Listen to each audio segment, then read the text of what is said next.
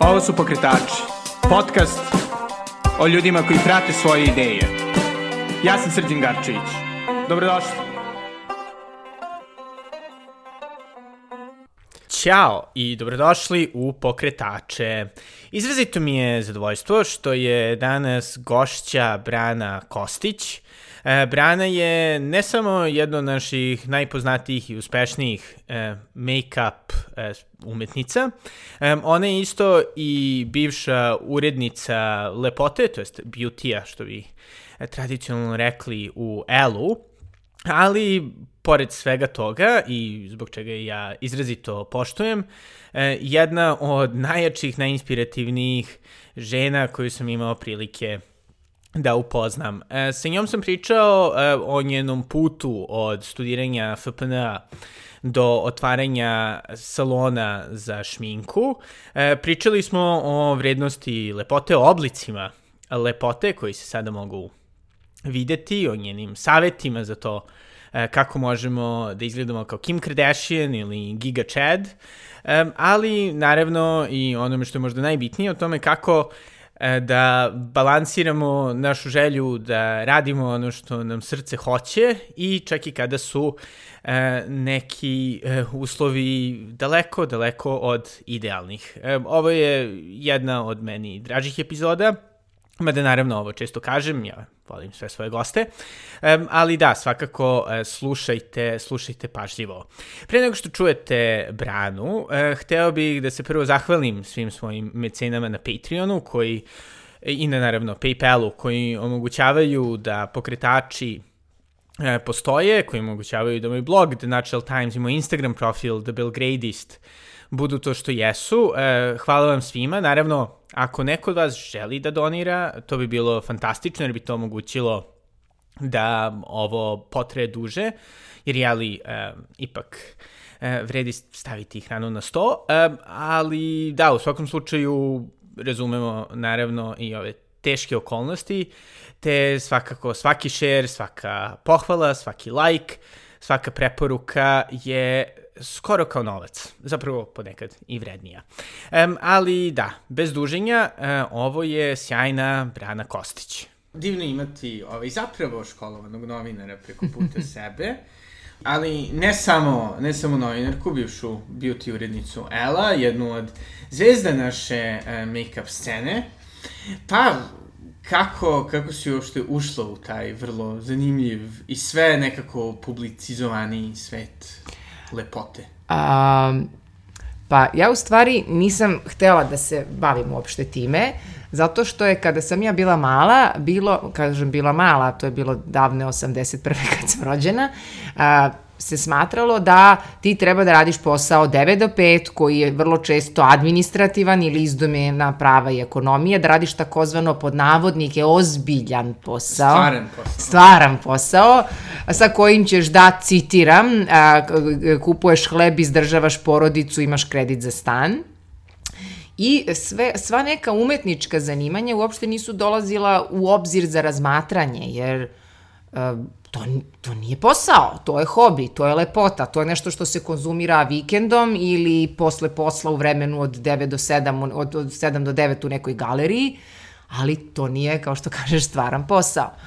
Ja sam to negde uvek volela i zato sam se valjda i opredelila za sportove kao što su, na primer, plesovi latinoamerički standardni ili igrala sam i folklor 10 godina. Uh, gde sve me, da je taj hobi u stvari mene vukao u taj neki domen ulepšavanja. Paralelno sam naravno kao svako dobro dete, završila gimnaziju, završila fakultet političkih nauka sa dobrim prosecima i usmerila se u tom nekom e, e, životu koji je institucionalno, e, tradicionalno formiran, tako da sam se zaposlila u izdavačkoj kući posao za stalno, um, socijalno osiguranje, zdravstveno osiguranje, kreditno si sposoban i mama i tata su bili vrlo srećni. Aha. A, ne mogu da kažem da ja nisam bila srećna, jer sam opet radila posao koji je vezan za lepotu. Znači, ja sam spojila svoje dve jako velike ljubavi. Prvo je to novinarstvo, ovaj, a zatim i taj beauty, u smislu to šminkanje. I onda novinarstvo i šminkanje, modni magazin, idealno. I to čak ne bilo koja pozicija, nego pozicija urednice lepote. Znači, baš pozicija osobe koja je zadužena za šminku, frizuru, fizičko zdravlje, mentalno zdravlje, parfeme i sve trendove iz tog domena. Tako da je u suštini to jedan vrlo lep posao, a, opet bi se tradicionalno reklo, u stvari to su mi svi uvek govorili, ja divno, pravi ženski posao. A ja sam govorila, dobro, što to znači ženski posao? I pravo da vam kažem, ja da čekam, uh, valjda ćemo svi biti živi, daj Bože, da imamo jednog prvog beauty urednika. Baš ja da čekam da se pojavi muškarac, prvi u Srbiji na toj funkciji. Vidjet ćemo kako se magazini razvijaju, to ne mora uopšte biti magazin, može biti čak i neki portal, daj Bože, vidjet ćemo, živi bili, ali vrlo se radujem ovaj, da vidim da to ne bude baš ja odivno žensko zanimanje, nego... Znači, prvi srpski Jeffree Star. E, pa, pa, na primjer, da. Ovaj, baš me zanima ko će to biti i radujem mu se, baš mu se radujem.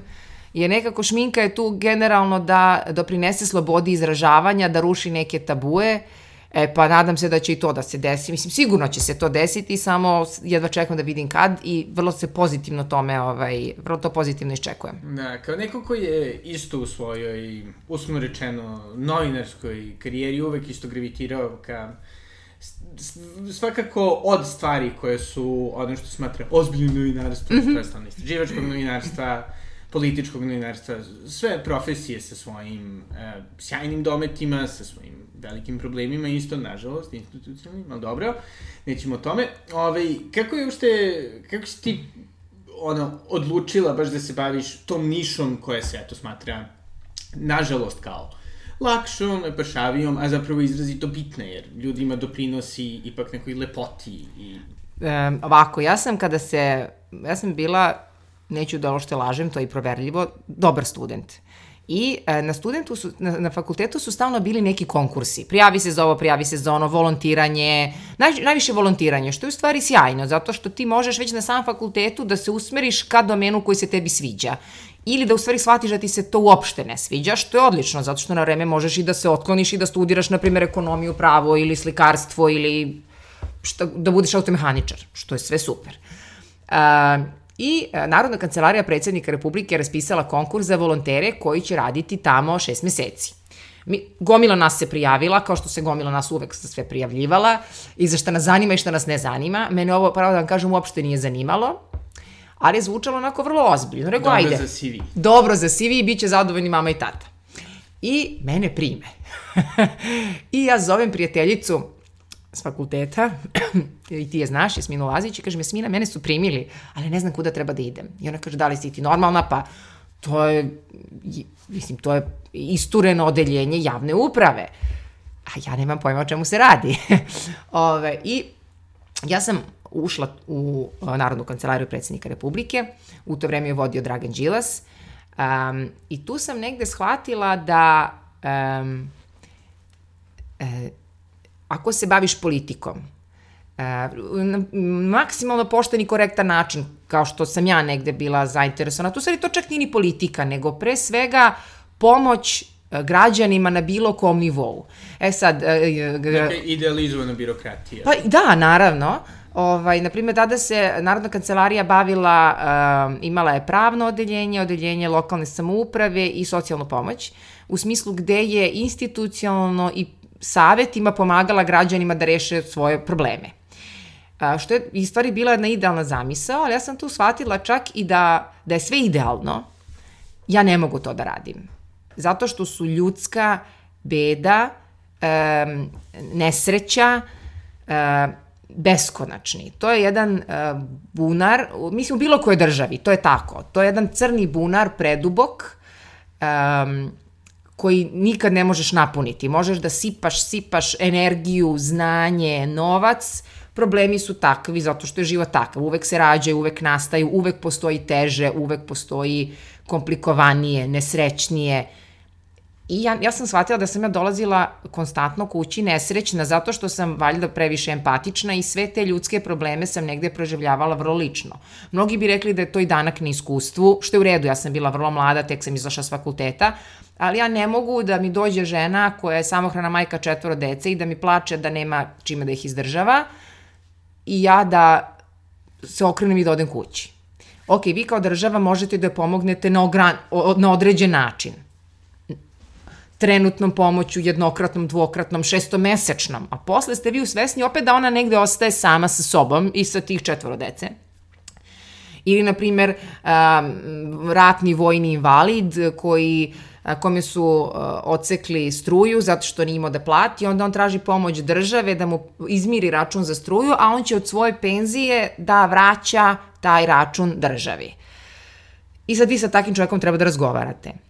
Ja sam shvatila da ja nisam kapacitet za takve poslove. E, mislim da ljudi koji su na takvim poslovima da su izuzetno e, plemeniti, svaka im čast, jer treba mnogo e, snage, volje i empatije prave da, i vrlo nes, nesebičnosti da se takav posao radi. Mislim u bilo kom sistemu i bilo koje državi, ali ja nisam takav čovek. Ja sam shvatila da ja ne mogu da živim na lekovima za smirenje šest meseci i da ne mogu da posle tako neke priče o ekstremnom siromaštvu odem sa svojim drugaricama u tržni centar i kupujem roze duksericu. Ja nisam takva osoba. Da i divim se ljudima koji jesu i koji imaju sposobnost da iskreno pomognu ljudima i posle da imaju svoj život koji je mentalno zdrav. Ja, ja nisam takva osoba. I onda rekao, ok, novinarstvo je predivno zato što možeš da e, šetaš iz grane u granu, pa čak i ceo život. Možda budeš politički novinar, sportski, kulturni, modni, šta god želiš. I onda se naravno opet otvorio sledeći konkurs, gde je tadašnja urednica Kosmopolitana tražila sebi asistentkinju, opet se gomila nas prijavila i opet su mene izabrali. I tako sam ja upala u Kosmopolitan, a pošto je to ista izdavačka kuća, vremenom vremenom su videli ljudi iz Ela, prešla sam u El i onda je priča i krenula dalje. Ali eto, zaista sam probala da živi mama i tata, dragi, ako slušate sad, život koji ste vi želeli. I ovaj, ali evo, našla sam se u nekom drugom i čak mislim da su oni sada i srećniji mojim sadašnjim izborom zato što vide da sam ja sada srećnija osoba. Da. Ovaj, ali ko što kaže moja mama i svoje najbolje namere, izvini sreće, ali mi jednostavno nismo znali. što je vrlo pošteno u stvari. Oni su mene usmerili tamo gde su oni mislili da je najbolje, a oni uopšte nisu imali predstavu da se sa druge strane, u stvari na jednoj margini dešava jedan prelep umetnički i poluumetnički, veseo, zanimljiv i razdragan život. E pa sad znaju i mislim da mi je drago što sam ja tu. E, pa super. Znači na neki način to je bilo baš ono tvoje autovanje roditeljima. Recimo, da. Iako su, kažem, oni negde tu uvek znali da je to moja ljubav, ali to ne treba da, da bude posao. Mislim, oni su mislili da ne treba da bude, ali na kraju ispade. Eto. Da, a čisto isto što se tiče tu, pošto si, jeli, vodila taj paralelni život, mm -hmm. kako je izgledalo zapravo pravljenje te, da kažem, paralelne karijere uz... Pa pravo da, pravo da ti kažem, to je bilo baš teško. Jer ja sam deset godina balansirala između dva posla. A, radila sam u izdavačkoj kući od 9 do 5, s tim što pošto je takav tip medija, u stvari valjda i svaki mediji, U stvari, novinarstvo nema radno vreme, tačka. To svi znaju koji se bave novinarstvom, zato što su događaji 24 sata, živo se dešava 24 sata, a pogotovo u tom modnom kulturnom novinarstvu sve se dešava uveče. Tako da, u smislu, e, revije, galerije se otvaraju, koncerti se dešavaju, e, izložbe se otvaraju tek od 7 pa do 9, 10, 11, 12, a vi preko dana radite od 9 do 5 u kancelariji kao svaki drugi standardni posao. Tako da ste vi u stvari na raspolaganju svom mediju od 9 pa do ponoći. A ja sam onda šminku radila vikendom ili radni, radnim danima posle posla. I to je bilo mnogo teško zato što ja u stvari nisam imala privatan život ništa. Um, ja sam onda sebe negde, pravo da ti kažem, i zavaravala, jer, jer je moj poslovni život u stvari neči idealni privatni život. Znači, meni je bio posao da idem na premijere, na izložbe, na revije, to je meni bio posao. Da intervjuišeš i znaš sve ti ljude. Da. Naravno, i da se družiš sa svim tim ljudima iz javnog života. Um, I ja sam onda mislila da kao, to je to, i to je super, moj život je ispunjen. A onda se, uh, onda se u mojoj porodici desilo da je neko ko je mnogo drag je nešto, dobio neku malignu bolest. I onda sam ja shvatila da ja u stvari ne provodim vreme s tom osobom. Da sam ja na jednom i na drugom poslu, koji su prelepi, da se razumemo, prelepi i, i modno novinarstvo i šminka su dva izuzetno lepa, zanimljiva posla, stalno si okružen veselim ljudima koji nisu načalno mladi, ali su mladi u glavi. Ove, ovaj, vrcavi su, zanimljivi su, lucidni su, ali to je i dalje posao. Moj privatan život je ostao po strani, Um, malo dete moje sestre nije htjelo sa mnom da ostane sama u prostoriji zato što me ne poznaje. Znači, nije dete krivo, nego sam ja loša tetka koja se tom detetu nije posvetila ni 15 minuta i onda dete neće da se igra sa mnom. I onda su eto te dve velike porodične situacije e, presudile da ja posle jednog porodičnog putovanja s kog smo se vratili u nedelju uveče iz Beča, sam u ponedeljak ujutro dala otkaz. I da, sam, i da sam rekla svojim uh, direktorima u izdavačkoj kući, uh, iskreno, ja ovo više ne mogu, želim da se posvetim svom privatnom poslu i što je najbitnije svoje porodici. I ovaj, oni su naravno razumeli, mi smo ostali u jako dobrim odnosima i dan danas sarađujemo, ovaj, ali eto, ja sam negde krenula da razvijam svoj posao, jer sam u korporaciji bila već preko 13 godina. I um, mesečnik ima neki svoj mesečni pa i godišnji tempo koji je realno uvek isti. Mislim, realno, u, slični. Znači, u smislu, svakog leta nosimo mini suknje i borimo se protiv celulita, svake, ovaj, svake zime nosimo oversize kapute i štitimo lice od mraza. Naravno da je El meni bio zanimljiv zato što nije bio puko modni magazin, nego je obrađivao, kao i u samoj Francuskoj, mnoge uh, društvene uh, fenomene, a, kulturne, umetničke, znači nije puko karmini suknja, nego je mnogo drugog sadržajnijih, sa mnogo drugog sadržajnijeg teksta bilo tu, ali sam ja tu bila već negde 10 godina i pravo da ti kažem, zadovoljila sam se. I dala sam sve ono što čovek može da da i posle 10 godina jednostavno je vreme bilo da ja idem dalje.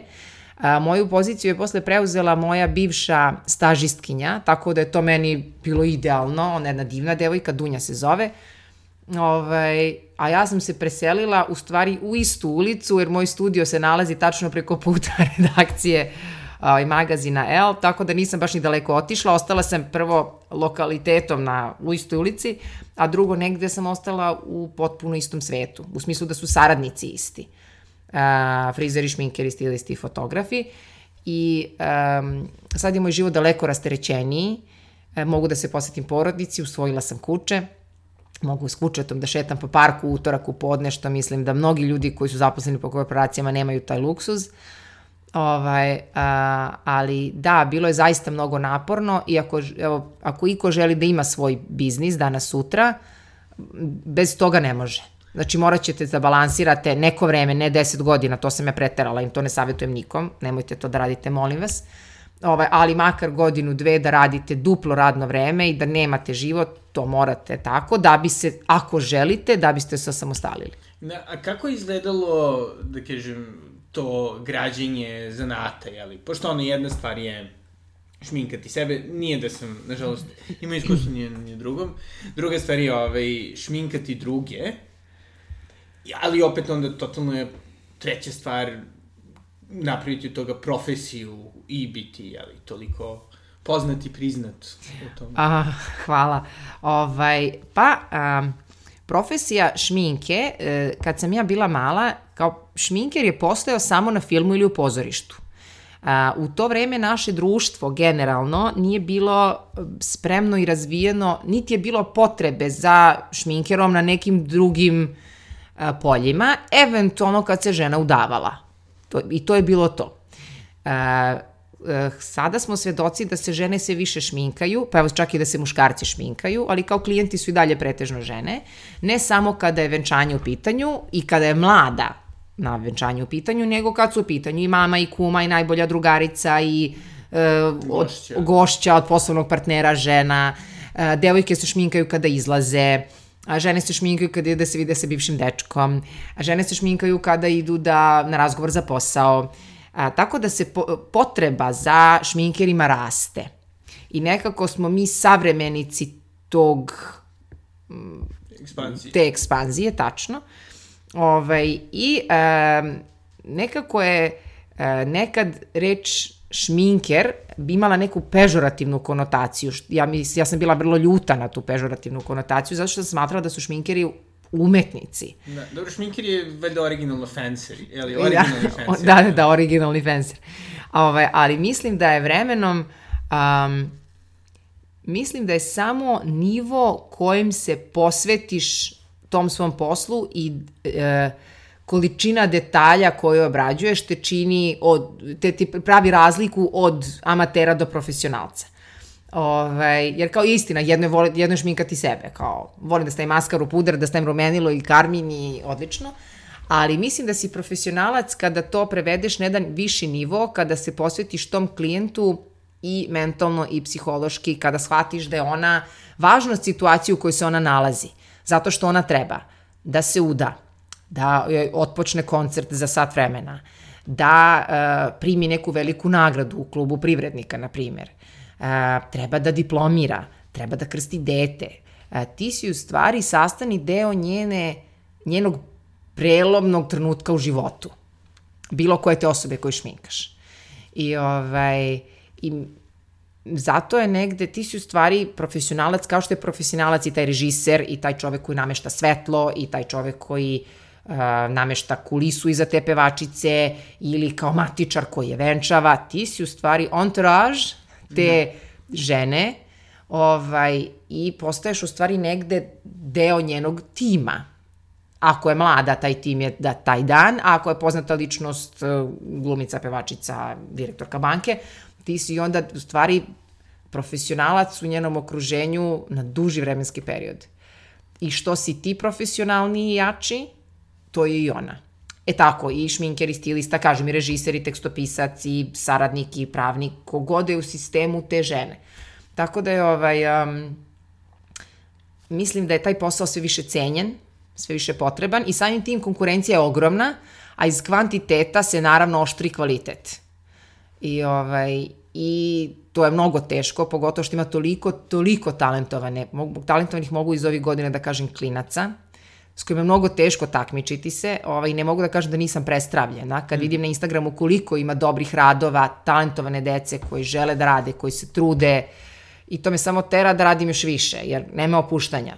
Tolika konkurencija i toliko ima divnih ljudi da nema više autopilota, moraš svaki dan da si sve bolji. Da, i ovaj, malo prije sam pomenuo, jeli, Jeffrey je stari, da. ceo taj, tu ekspanziju, čini mi se pogotovo u Americi, toga beauty mm -hmm. tube-a, njihovih međusobnih bifova, koliko sam shvatio, koji se dešavaju. I, I uopšte koliko su oni promenili celu industriju zapravo od toga da su ono, da jeli, zrađuju basnoslovno novac samog YouTube, ali onda konačno ide neko, postoji potreba da se, da se stvaraju brendovi, šminke, jel se nešto slično dešava i u Srbiji po tim kao zvezdama. Mislim da, da ljudi monetizuju na taj način, da stvaraju od sebe brendove. Pa sve više naravno se javljaju ljudi koji su beauty influenceri i kod nas. Ovaj, baš sam napisala skoro tekst jednu temu ovaj, u jednom od magazina um, društvene mreže su prebacile sve na temu uh, vizualnog. Znači, jako je bitno kako izgledaš.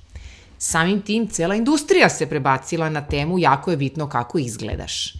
A pošto se društvene mreže mahom svode na selfije, odnosno na lica, zato se industrija svodi na beauty. Jasno, to je sve normalno.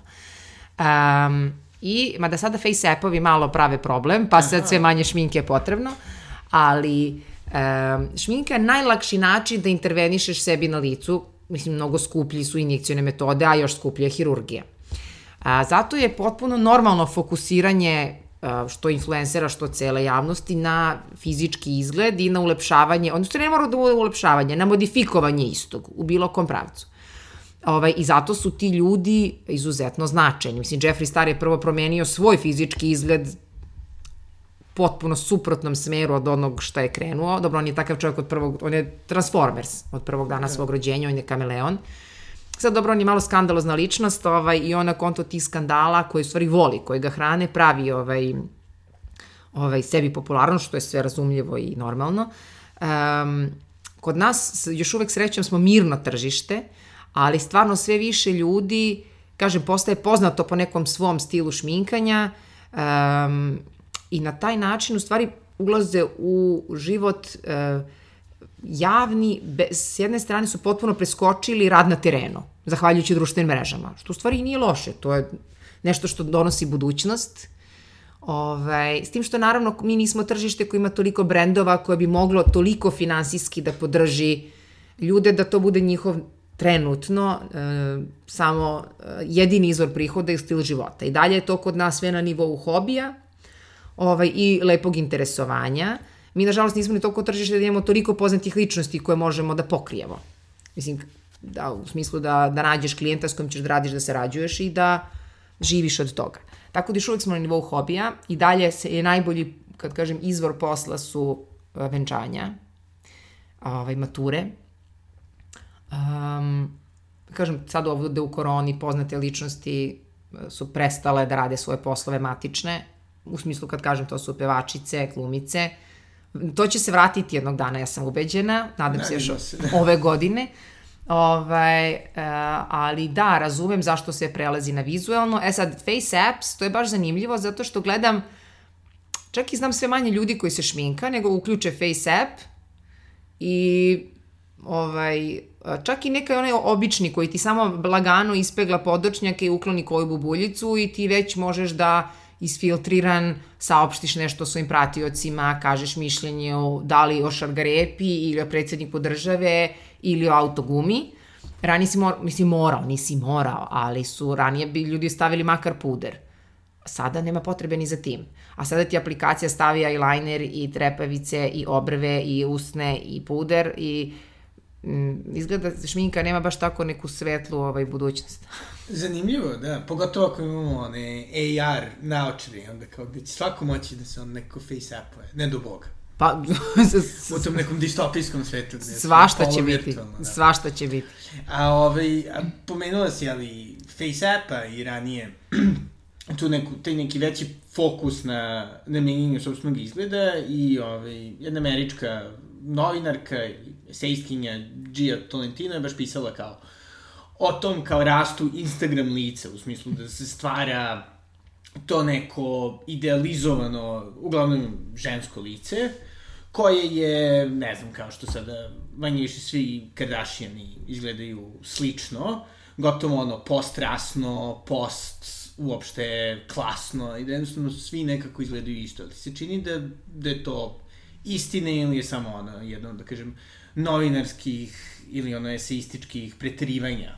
Pa mislim ovako, a, u šminkerskom svetu i u svetu estetike plastične hirurgije postoji idealan nos, idealno oko, idealna usna. Kad ga onako ti razložiš u smislu idealno oko, idealno po domenu neke dosadašnje a, estetike konvencionalne do sada je, na primjer, bademasto oko, ili jako tamno, odnosno crno, ili vodeno plavo. Ok. Idealan nos je mali sa uskim tankim mostom i sa blago prćastim vrhom. Mm -hmm. Kad kažemo idealno, to znači kad bi mogli da ga skinemo sa nečije glave i posmatramo samo nos. Da, da. A jagodica idealna koja je obla, blago špicasta i visoko pozicionirana. E sad, kada pogledate supermodele 90-ih, koje su, mislim, i dan danas najlepše žene sveta, što bile 90-ih, što i dan danas.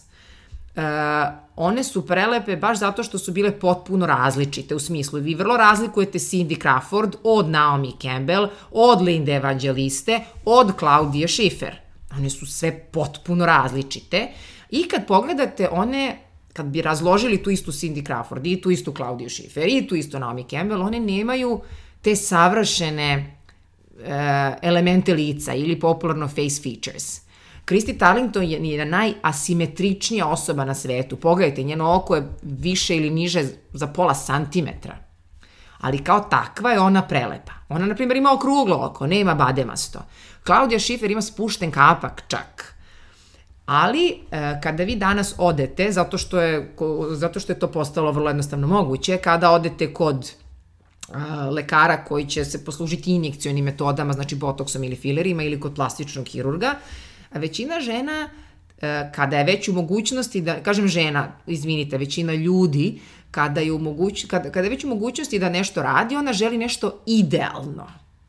E, ja želim taj idealni nos i to idealno oko i ta idealna usta i tu idealnu jagodicu i onda se to naravno pravi knjiški isto i zato su na kraju ljudi isti. Pogledajte, sve žene imaju uh, male prćaste noseve sa vrlo uskim mostovima ali po meni ne fali ništa ni nosu Barbara Streisand, koja je zahvaljujući tom nosu postala prepoznatljiva i nije dozvolila da je to uopšte uruši ni ime, prezime, karijeru, kredibilitet. Svaka je čast. I šta više, on je njoj, na njoj prešarmantan. I Meryl Streep isto ima kr, kr, kvrgavi kriv nos, na primjer. E, onda sve Kardashianke, kao što vidite, imaju te jako tamno, tamno, skoro crne oči. Ili obrnuto stavljaju se vodeno plava sočiva. Znači, više nije moderno ni da imate ni zelene oči. Ne, nije moderno da imate ni one prelepe po meni žute oči. Ne, samo da je crno ili plavo. A, jagodice se prave da budu dečije jagodice. Onako izuzetno visoke, okrugle, pune, pune, pune. To je realno karakteristično samo za dete, do, mislim kad kažem dete, to, to do 12 do 13 godina, jer posle gravitacija radi svoje, jagodice padaju. O, one i sve, mislim da dosta žena izgleda isto, izvinite, ljudi izgleda isto, zato što se svi pozivaju na taj idealni knjiški model lica. A opet, ja lično mislim, a verujem negde da se slažeš sa mnom, da lepota nije u toj istosti, nego u različitosti. Da. Kada sam bila mnogo mala, najviše sam volala da gledam um, Miss Sveta, izbor za Miss Sveta, koja je u to vreme bio tipično, tipično nacionalizovan u smislu da je žena iz Gane bila crnkinja i to mnogo, izuzetno tamna crnkinja. Da je žena iz Maroka bila arapkinja, da je žena da je, ne znam, norvežanka bila crvenokosa sa pegicama i meni je bilo prelepo da negde vidim koliko različitih tipova lepote u svetu ima. I onda kad je prvi put se pojavila za francusku e, tamnoputa žena, ja sam bila kao dete iznenađena, jer kao kako sad to se nešto pomera. I sad vidite da na izboru za Miss Sveta su opet sve iste. Sve imaju te prćaste noseve, bademaste oči, sad već iskošene zahvaljujući mi mezonitima i zakucane obrve u glavu. Um, ja više ne vidim tu različitost koja je u stvari prelepa i zašto je zemlja jedno prelepo mesto. Da je lepi, ne, meni je bilo, na primjer, čudno kad sam bila mala kako su neke azijatkinje lepe sa onako spuštenim očima. Ali sad sam shvatila da je to u stvari vrlo lepo, zato što su vrlo jedinstvene, jako su specifične, to ih čini originalnim. Ali, ovaj, da, slažem se s novinarkom da se ide danas ka to istosti i vrlo mi se to ne sviđa. Da, dok opet, ali opet mi se čini se druge strane, ovaj, postoji i drugi ekstrem gde nekako postoji ta gotovo ono fetišizacija, baš eksplicitno, recimo, ružno. Kad sam gledao neke reklame za par ono, modnih brendova i neko, to je bila ideja nekako manikeni budu Uh, Ne, ne, okay, ne, neću, Ne, ne razumem šta hoćeš da, da kažeš. Da, da. Pa zašto? Pa evo, i vrlo jasno objašnjenje zašto je to tako. Moda uvek teži da se izdvoji, da upadne u oči, da bude drugačija. I sada ti u tom svetu istosti i u svetu ekstremne lepote, koja je čak nametnuta od strane injekcije ili noža. Ali koja čak i nije lepa, iskreno budem. Ne, ne, to meni i tebi, ali kažem konvencionalno ljud, to je kao lepo. Da, da. Te barbike, brat lutke, to je lepo. I sad ti kao modni brend, ako angažuješ uh, konvencionalno, kla, komercijalno lepu devojku, niko te neće videti. Ti si samo u bazenu lepih devojaka. Znači ti moraš potpuno da se izmestiš, da odeš u nešto što je šta više potpuno estetski neprihvatljivo. Um, unibrow, Da. uh, maljavi pazusi, žene sa ekstremno uh, klempavim ušima, muškarci sa ekstremno klempavim Da, ušima. evo, na primjer, valjda ova, e, od, od Kamala Harris, njena, e, zapravo, počerka, mm. -hmm. koja je, jeli, to je isto bio veliki skandal na Twitteru, što, mislim, devojka koja se ne uklapa u standardne standardne, da, Pa da, je dobila. a, ali moda traži ekskluzivitet. Moda traži da bude viđena i onda kako će u moru istosti biti viđena, jedino ako uzme lice koje je potpuno drugačije. To je normalno. To je isto bila situacija zašto je Andrej Pejić u trenutku dok nije izvršio promenu bio toliko popularan. Zato što je bio u stvari prvi, jedan od prvih androgenih modela. Jer moda je uvek tražila da se izmesti. Jer on čini izvršio promenu pola, on je postao još samo jedna prelepa, prelepa žena. I mislim da onda više modi nije bio zanimljiv, jer postaješ još jedna od milion prelepih plavuša na svetu. Da. A ovako si bio zanimljiv samo zato što si drugačiji. Ovaj, a moda je takva. Moda traži novi izvor inspiracije i tražit će ga u svemu. I e, nešto što je na izgled jako čudno će postati trend. Naprimjer, koliko je Twiggy bila čak bolesno mršava 60-ih. Pa je bila modni trend. Da. Ona kao ona, s onim nogama, s onim ramenima, koščatim, ono, ona u stvari, po mom mišljenju, estetski katastrofa. Mislim, ja nisam ni za to da manekinke budu anoreksične, daleko od toga. A onda s druge strane, kažem, moda je i Rick Owens, svi znamo kako ti modeli izgledaju, a moda je i Kavali, svi znamo kako ti modeli izgledaju. Ali opet kažem, razumem zašto se moda traži i zašto traži potpuno drugačija lica. Ali nekako mi se i dopada sad e, to što je dozvoljeno da dozvoljene su ljudske uslovno rečeno mane, što ne mislim da su mane, nego jedinstvenosti. U smislu, vitiligo više nije sramota. Ja nikad nisam ni mislila da treba da bude, ali eto, nekako da. je beauty svet legitimisao, uh, dao legitimitet vitiligu koji je lep, jedinstvenim mladežima na licu i telu, da ljudi više ne treba da ih se stide. Mislim da nikad nisu ni trebali, ali društvo da, da. je bilo tako. A, nekim belezima, različita boja očiju, a, to je ono što u stvari čini ljude jedinstvenima. I zaista nisam za to da se devojke štancaju na jednu te istu barbiku. Molim vas, nemojte to da radite, da budete kao žuti sok i crni sok, pa da imate opciju brineta, opciju plavuša i svi nose balajaž i talase i umeci za kosu i apsolutno su sve iste. Naprimjer, meni se jako sada dopala ova da, da, Damin Gambit, odnosno Queen's Gambit serija, glavna glumica. Onako riđa, kratko ošišana, potpuno, i mislim da je potpuno izmeštena iz neke trenutne estetike uh, svetske popularnosti i mislim da se mnogim ljudima dopala, baš zato što je drugačije. Da. A kako je to balansirati na poslu? Mislim, pogotovo, jeli, tvom sada trenutnom full-time poslom, naravno, ranije. Mm -hmm. e, mislim i na ovom drugom uredničkom, zato što ipak s jedne strane imate ono, potrebu ljudi koja je često ono, vrlo konvencionalna i vrlo se gura ka nekim trendovima, opet sa druge strane, pogotovo, jeli, kada se baviš šminkom, ipak neko svesti da, a, ljudi ne mogu da izgledaju kao brat slutka, na primer, i da bi možda bilo dosta bolje kada bi izgledali malo drugačije, iako oni možda žele da izgledaju kao brat slutka. A, pa mislim edukacija tržišta, edukacija tržišta, edukacija tržišta. Mislim da je negde obaveza na profesionalcima, makar to bili ljudi koji rade injekcione metode. Znači da se razumemo, ja nemam ništa protiv ni injekcijna metoda, ni intervencija plastične hirurgije. Sve dok je to u domenu negde zadržavanja tvog prirodnog identiteta. Ovaj, um, ja tako smatram. Svatam, takođe smatram da svako ima pravo da misli da radi sa sobom šta god želi.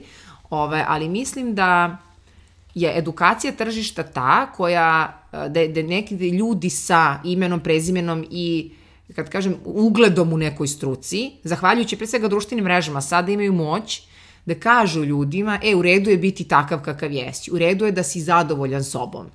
Ovaj, I um, postoje ljudi uh, koji su komercijalno lepi. I onda takve klijente radiš na komercijalno lep način. Znači, kada mi dođe devojka koja liči na Kim Kardashian, da, napravit ću je da izgleda tako, u smislu mačkaste velike oči, velike trepavice, pune usne jagodice, ako ona već tako izgleda. Ali ako dođe neka devojka koja izgleda kao ja, u smislu da je trouglaste estetike, bleda, jako tankih usana, i traži da izgleda kao Kim Kardashian, na meni je da je, kažem, da u startu to ne može da se desi, jer ona ne izgleda tako. I da bi bilo bolje da izvučemo neku njenu jedinstvenu crtu i da nju naglasimo, nego da je pretvorimo nešto što ona nije. I obično kada tako, eto, povidim po iskustvu, kada tako kažete ženi, vrlo iskreno, ona vas posluša.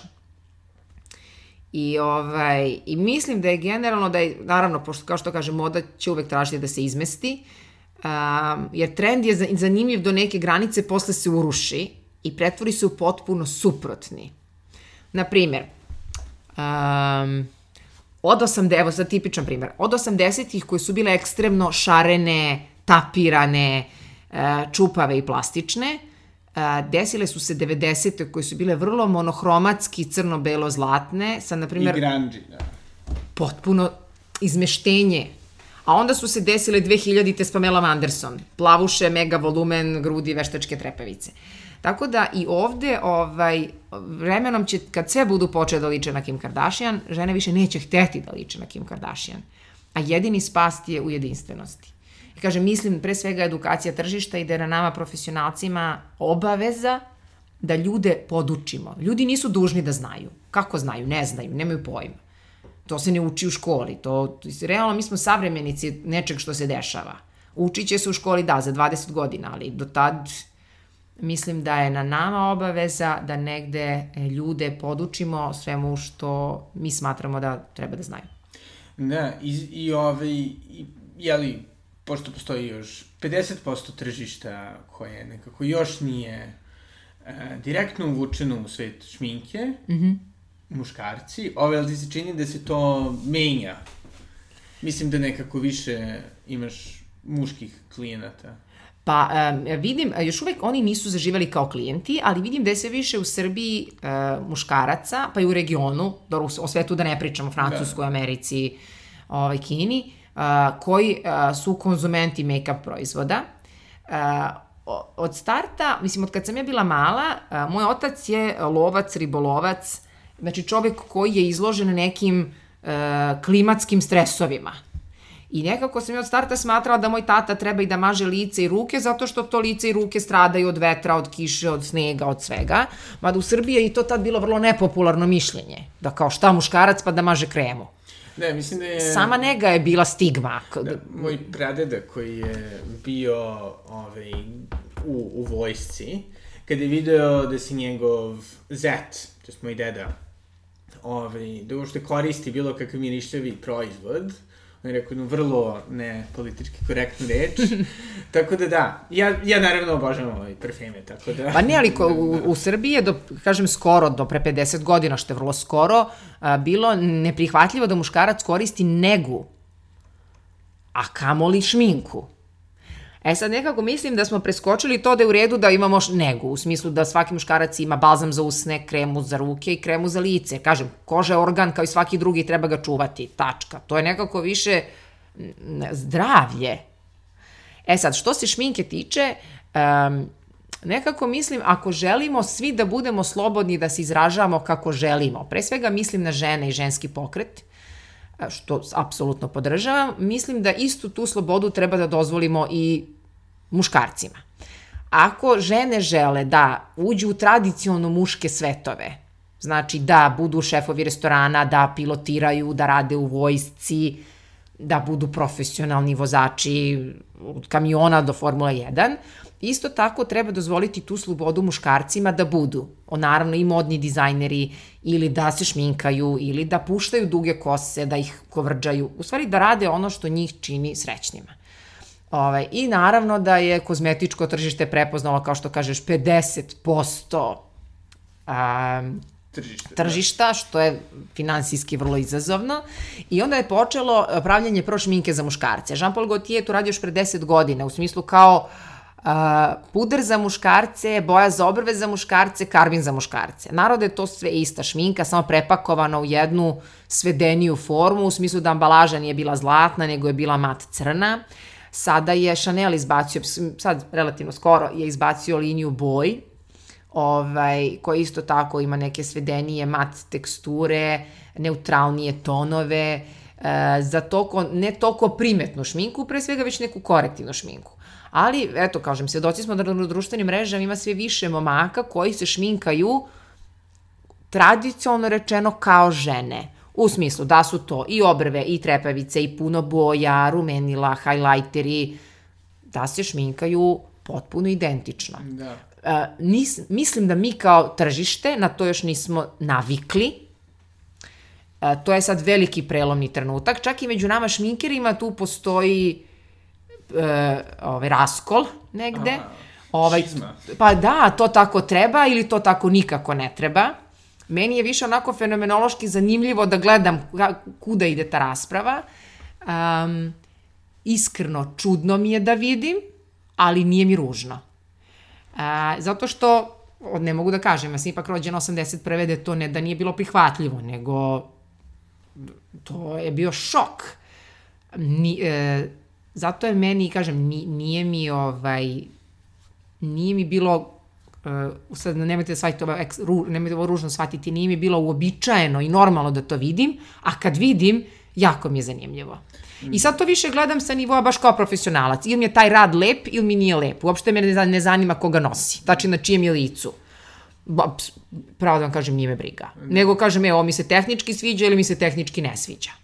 Da, mislim, ne znam koliko si ovaj, e, upoznata, da se ne preterano, što je to gubitak vremena, sa ovaj Twitter mimovima i svim tim, i tim zezanjima i ono Giga Chad, što je jedan lik koji ima tako vrlo naglašenu, mislim, prenaglašenu ovaj, e, maskulinu estetiku, znači one vrlo jake kao obrve, vrlo, naravno, brada, vrlo jake ove, jagodice, nos i sve.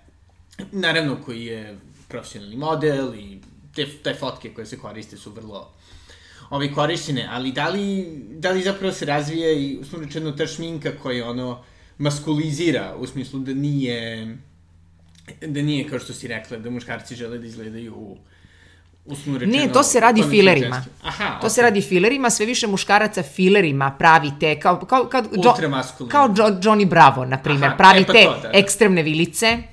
Da, ali to se dešava filerima. I onda u stvari kad pogledate, evo čak ima i kod nas imate ovaj pevače koji su potpuno promenili fizionomiju u smislu da su to postali, dobili šire vratove, četvrtastija čela, um, jače vilice i to sve zahvaljujući naravno filerima. Naravno. Aha, znači šminka tu ne pomaže. Ne može. Ali fileri rešavaju taj problem na neki šest meseci do godinu dana, pa onda ponovo I onda ko želi, kome se to dopada, može i to da se transformiše. E sad ima, znam da ima muškaraca, ali to su opet sa nivoa to nekih mikrokorekcija, u smislu da maskarom blago potamni bradu, da blago potamni obrve ako želi da su tamnije. Na primjer, kad su u sauni pa izađu. ovaj, pa se razlivaju. Ovaj, ali to je, kažem, kod nas u Srbiji mislim da, da je Boy de Chanel su kupile sve žene. Aha, Još uvek su kupile žene, zato što im se dopadna ambalaža, zaista je prelepa. Pošto Chanel inače ima um, a, crnu sjajnu ambalažu, ovo je izašlo u crnoj mat ambalaži. Pa zaista je prelepa ambalaža i lepi su proizvodi kvalitetni, ali mislim da su kod nas trenutno to kupile najviše žene. Ali mislim da, je, da će i, i, i tu da se, neću da kažem sruši, ali u svakom slučaju da se preispita dosadašnji e, trend da se samo žene šminkaju Da. počeće i muškarci da se šminkaju. E sad vidjet ćemo da li će to generalno tržište prihvatiti ili ne. Mislim da smo trenutno u trenutku razvijanja toga i kažem, ja volim da gledam kuda to ide u kom pravcu i kažem, mnogo ima i izuzetno talentovanih muškaraca koji mnogo lepo rade i sebe i druge. I treba im dozvoliti tu slobodu ako je žele, što da ne. Pa da, a i ono što je zanimljivo je, što recimo, ono, pominješ, 80. je okej, dobro, Srbija ili SFRJ, region, šta god, ipak malo drugačiji od zapada, malkice. Ali i Oliver Mandić se šminka. Ali da, Pa to! ali hoću da kažem da, postoji Oliver Mandić kod nas, onda ranije, ali dobro, okej, Boy George isto. Pa Boy George. 80-ih, čak i dosta ranije, David Bowie, Pa i Boban, sve. čuvena, pa pogledajte spot Kupatilo je shvatilo. Znači čovek je ono legenda muzike, on isto šminkao kao i Oliver Mandić, koji je vrlo u stvari maskulini muškarac. da. Ali to je bila moda u tom trenutku i mislim da Oliveru ništa nije falilo, da mu niko nije o, Spočitava. o, o, ovaj, njegove muškosti da nije ovaj, do, docrtao neki minus zato što je nosio u to vreme rumenilo puder, pa i Boviju. Daleko Tako da, toga. daleko od toga. Tako da vidjet će, možda 2020. donesu neke nove trendove. Da. I kad smo kod 2020-ih, Mhm. ono što je vrlo zanimljivo, ili mislim, neki bi rekli tragično, je to što si ti odlučila da uskočiš u promjenu karijere. Doduše objasnila si iz ličnih razloga. Na samom početku nečega što je ogromna kriza ovaj, cijelog toga posla. Jeste. Kako je, kako je izgledalo nositi se sa tim? Znači, nešto si pokrenula, evo sada super. Da, studij, krenula sve. sam u januaru, u stvari ja sam otkaz dala u januaru, u martu je došla korona. Ovaj, pa nekako sam to, ja sam to nekako shvatila kao rat, kao neko ratno stanje, globalno, sa nekim virusom.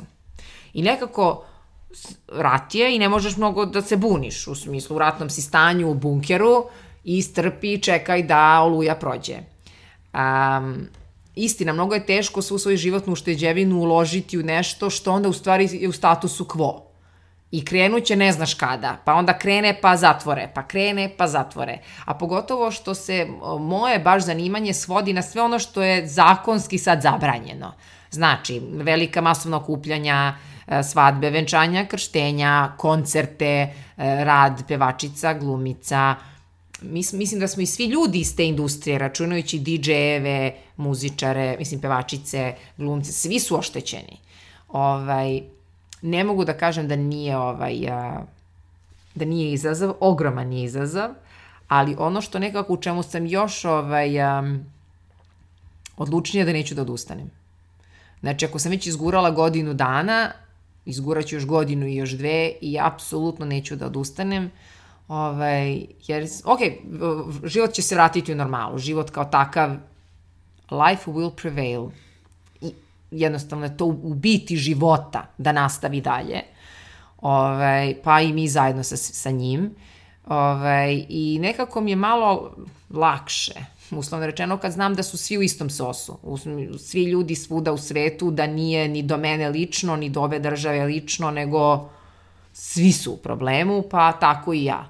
E, dosta me je to dozvalo pameti da zaista prioritizujem troškove, a nisam to radila ranije, tako da eto i neke dobre stvari iz toga izađu. Gledam šta mi je stvarno važno, sad i te ograničene financije koje imam gledam na šta trošim ovaj, a, kristališu se prioriteti. I onda je to u stvari dobra stvar. Znači, opcija jedan je da kukam svaki dan na svojom nesrećnom sudbinom i toga nema kraja, samo ću da završim na, kako se zove legveše, flunisan. Ne znam. samo ću da završim na lekovima protiv depresije, koju bi sama sebi pravila. Pritom razumem i da su ljudi i, i na tom mestu. To je jako prirodno i normalno i Uh, smatram da ako je neko na tom mestu i treba da potraži stručnu pomoć, jer normalno je da nisi dobro u ovoj situaciji, ali a opcija dva je da kažem, ok, ajde da vidim šta ja i u ovoj situaciji mogu da uradim. Ovaj, na primjer, ono što se, de, de sad mogu da radim, da ima taj neki mikroprozor i to zaista funkcioniše, je ta obuka šminke 1 na 1. U smislu žene kako da nauče da našminkaju same sebe.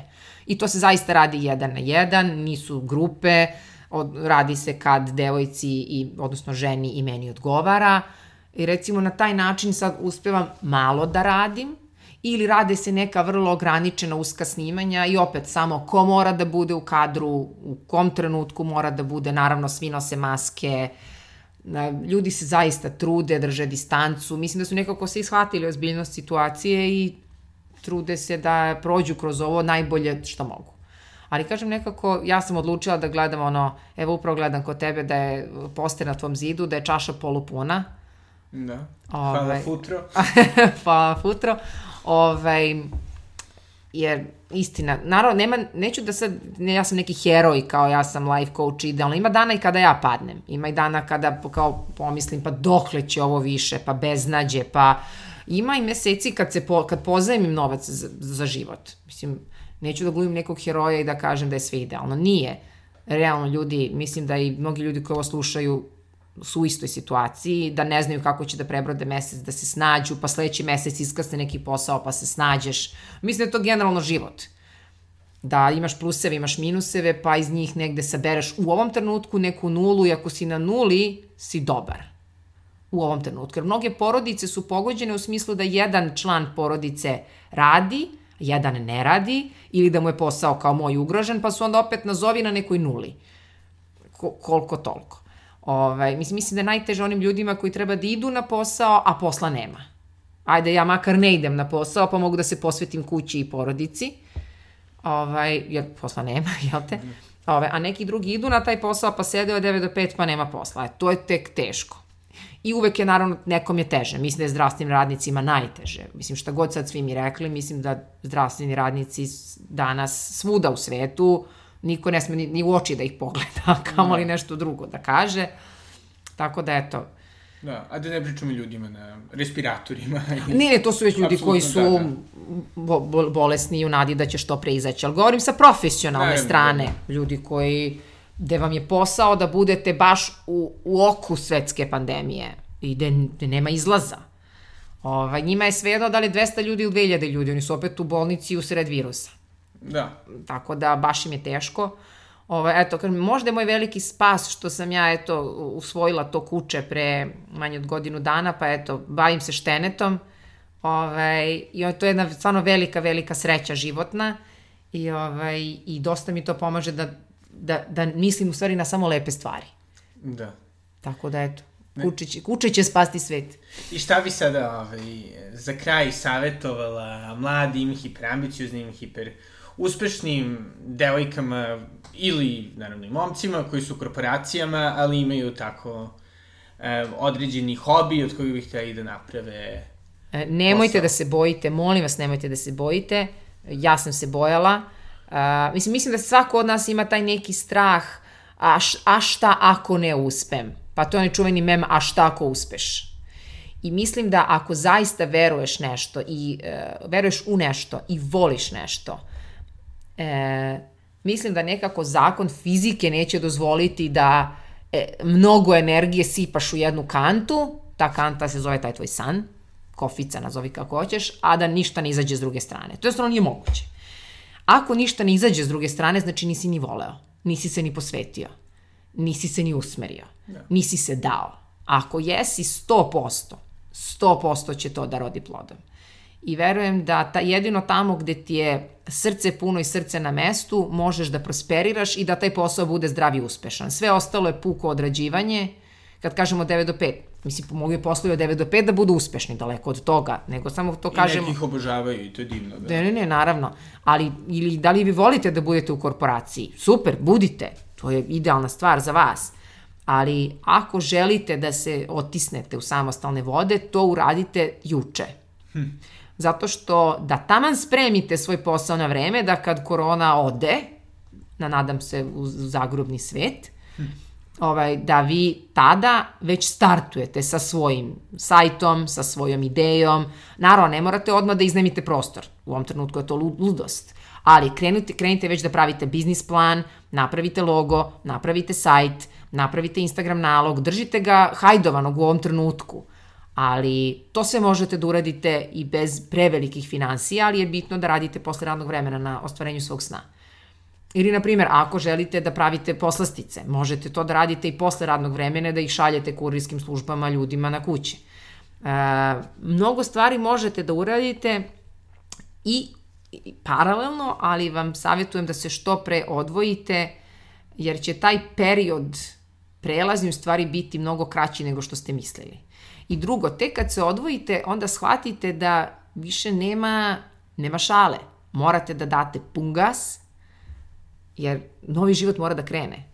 I verujte onda će da krene, jer nemate opciju. Nemate drugu opciju, nemate platu koja će doći prvog. Nemate neko rešenje, nemate zaleđinu. Morate da se borite i da kopate život na drugoj strani. E, iz te borbe se rađuju stvarno predivne stvari. Prvo, ti postaješ jači kao čovek, a drugo, ovaj, taj tvoj posao počinje da staje na noge, jer u stvari mora. Ti nemaš drugu opciju. Ovaj, tako da, ja sam, evo i sad, kad bi mogla da se vratim u korporaciju, mislim da se ne bi vratila. O, iz Trenutno. ovog trenutka. Ovaj, jer je toliko lepo biti e, samostalan i slobodan. Naravno, to nas jako veliki izazov i odgovornosti, to razumemo, to je skopčano, ali opet toliko lepo i toliko je život kompletniji da trenutno se ne bi vratila u korporaciju sa centralnim rasladnim sistemom nikako. Da. Hvala puno. Hvala tebi. I to je bila Brana Kostić. Nadam se da vam se ova epizoda o svemu i svačemu dosta svidela. Nadam se da ćete i u sebi naći vašu unutrašnju Branu, ženu Stenu, koja gura uprkos svemu. Brano, hvala ti puno. Ulepšala si i meni e, ovo, ovaj intervju. E, I par dana kasnije. E, sve u svemu, to je to za ovu nedelju. Do sledećeg slušanja. Doviđenja.